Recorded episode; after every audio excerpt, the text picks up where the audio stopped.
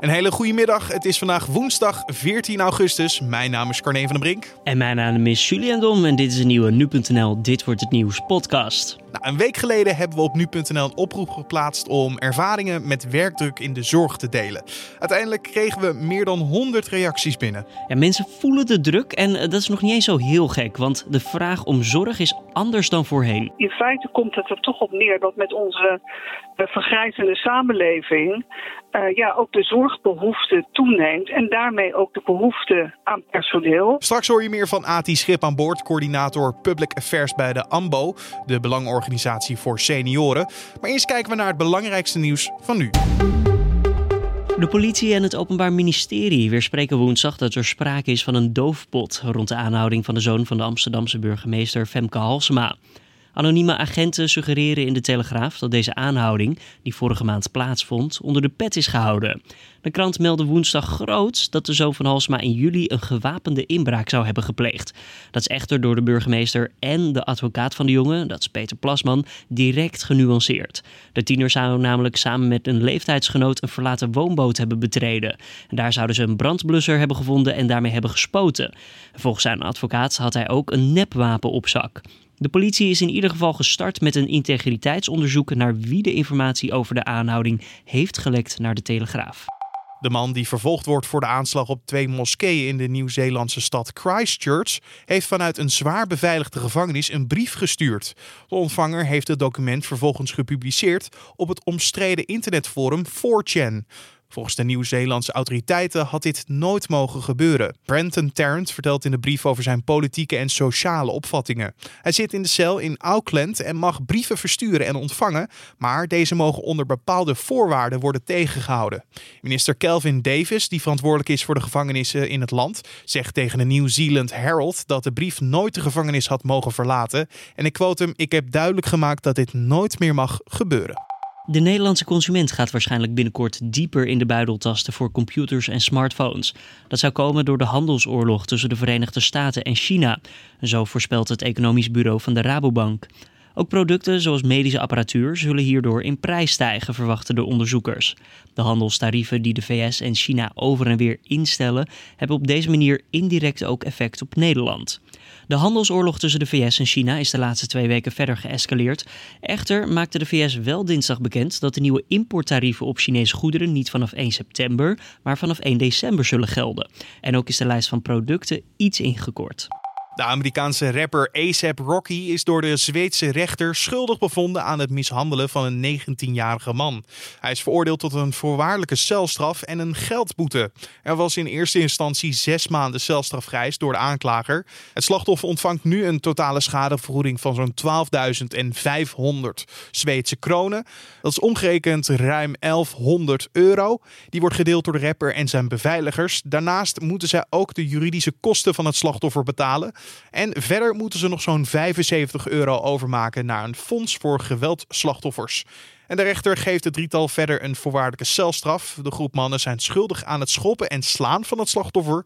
Maar het wordt niet bewezen geacht dat zij hem met een glazen fles hebben aangevallen. En een gevangenisstraf zou daarmee niet op zijn plaats zijn.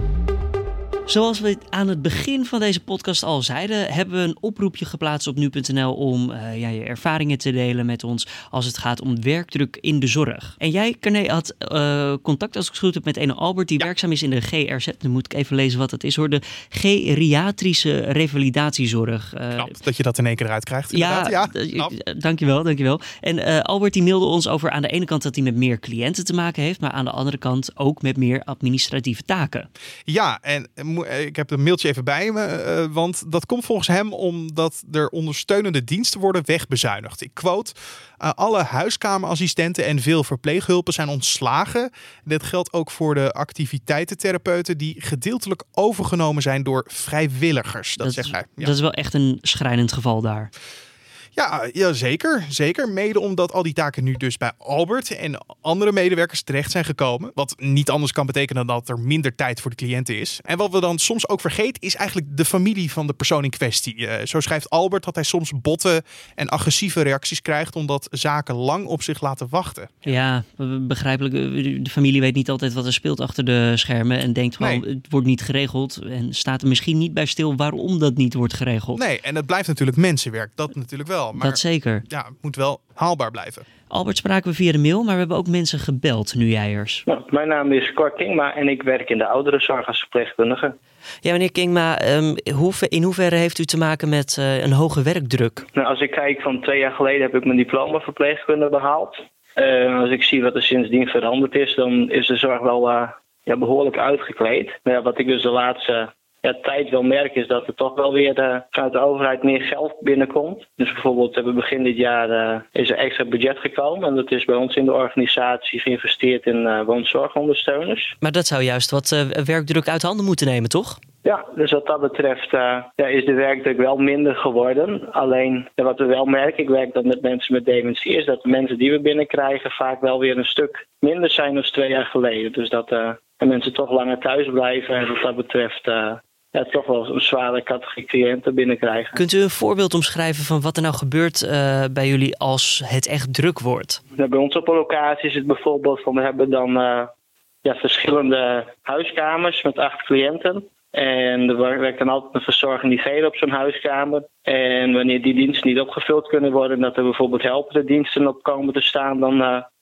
dan krijg je toch wel als vast personeel extra druk, omdat je dan op de andere, andere afdeling ook nog medicatie moet delen en alle bijzondere verrichtingen en zo, uh, dat daar ook moet gaan uitvoeren. Dus dan loop je wel de benen om je lichaam vandaan, zo te spreken. En hoe vaak komt zo'n situatie voor?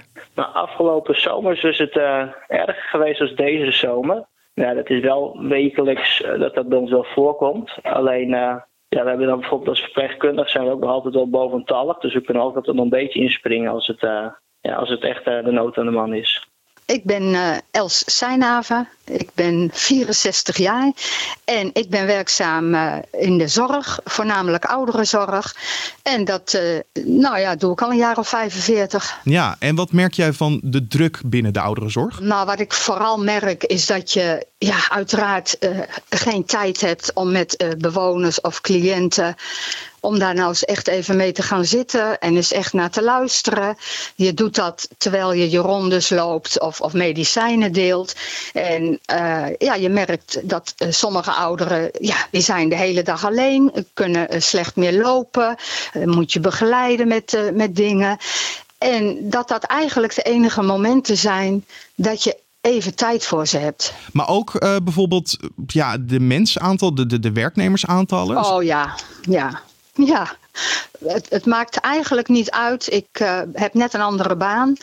Ik uh, werkte hiervoor ook in de zorg. Werkte ik op kleinschalig uh, met de bewoners die allemaal aan Alzheimer leden of een vorm van dementie hadden.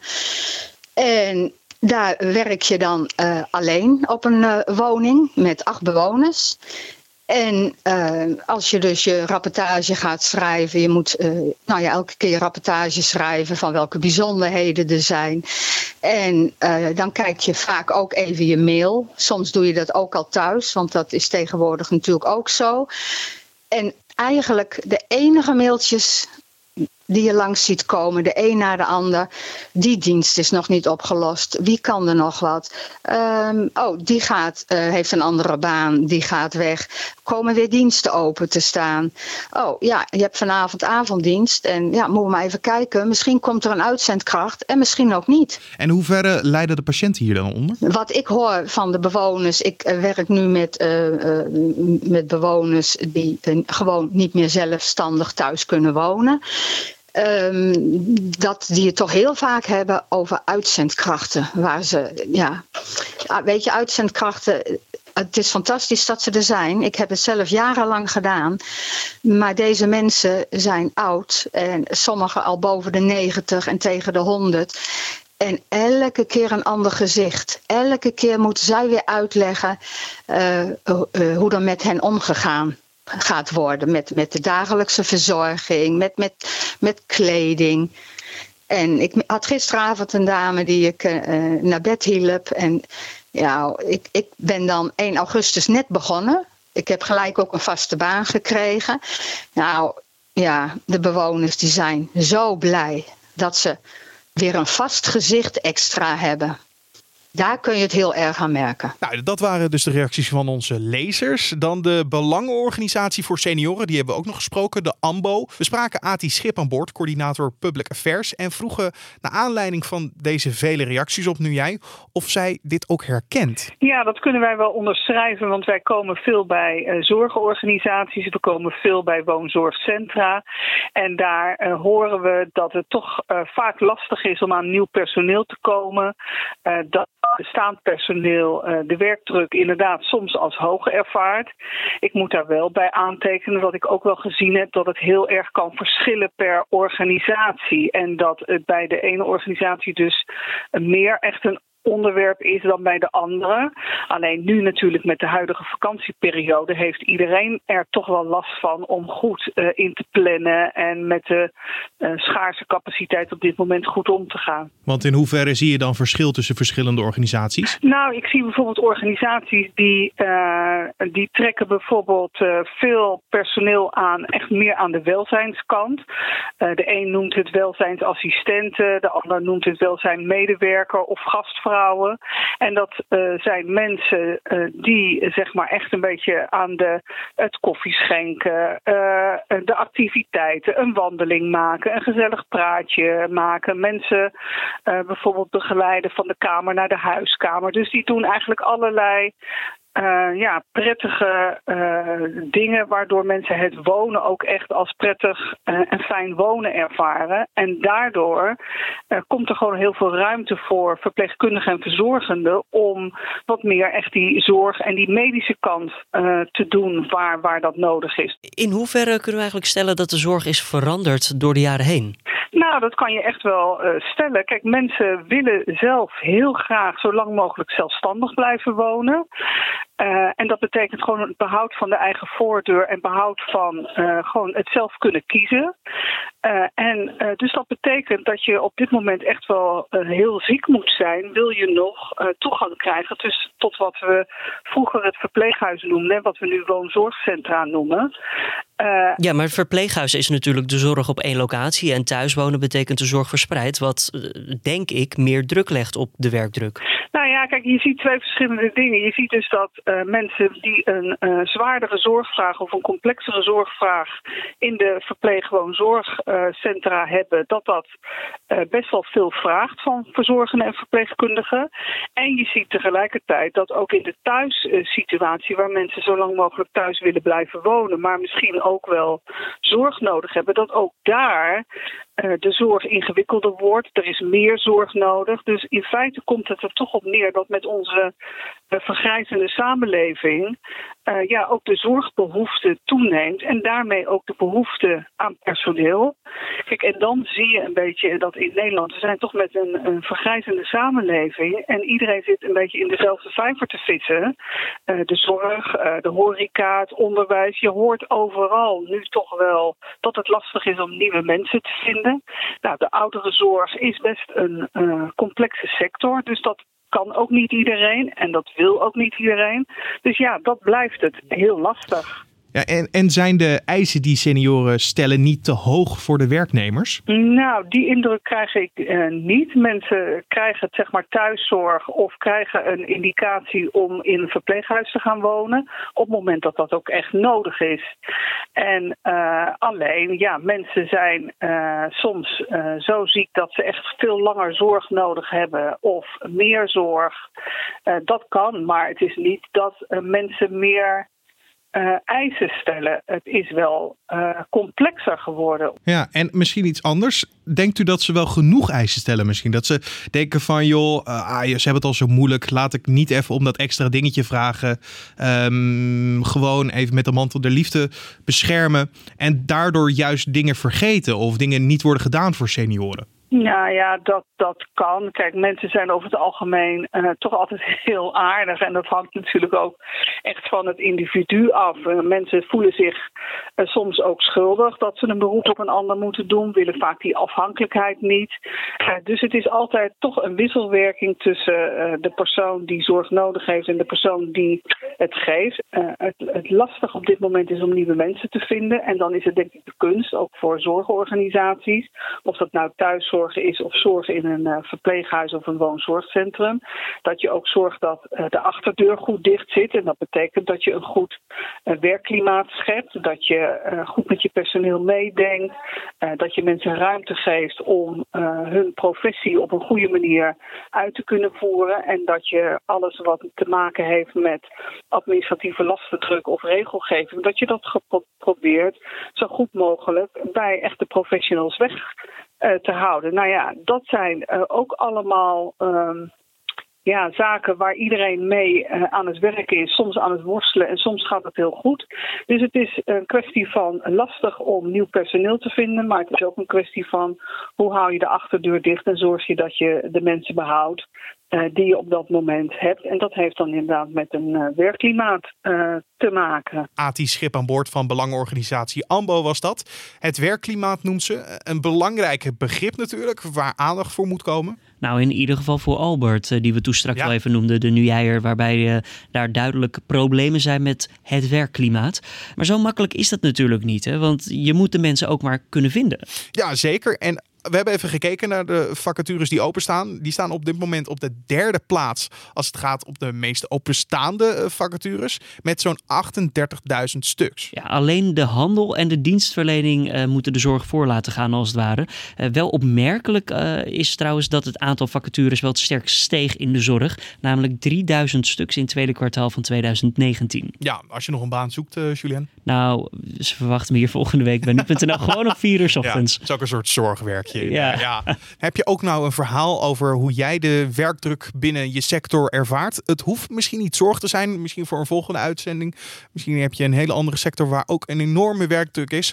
Laat het ons weten via podcast.nu.nl, ons mailadres. En zo kunnen we kijken of we er iets mee kunnen. Of je kan een reactie achterlaten onder dit artikel binnen het Nu Jij platform. Dan het weer. Vanavond en vannacht is het overwegend bewolkt en komen er lokaal enkele buien voor. Het koelt af naar 15 tot 17 graden. Morgen trekken er wederom buien over land. Weer regen dus. Lokaal kunnen de buien gepaard gaan met een klap onweer ook nog eens. En in de loop van de middag kan het wel een beetje opklaren. De temperatuur zal tussen de 19 en 20 graden uitkomen. En dit was dan de Dit Wordt Het Nieuws podcast voor deze 14e van augustus. Je vindt de podcast in de zomerse weken in de middag op de voorpagina van nu.nl en in je favoriete podcast app. In de middag nog even een paar dagen, twee dagen om precies te zijn. En je kan ons laten weten wat je van deze podcast vindt door een mailtje te sturen naar podcast.nu.nl ons mailadres, ik zeg het nogmaals. Of een recensie achter te laten in iTunes. Zo kan je ons namelijk verblijden met 1 tot en met 5 sterren. Zouden we tof vinden als je iets achterlaat. Mijn naam is Carne van der Brink. En mijn naam is Julian Dom. Voor nu een hele fijne woensdag en tot morgen.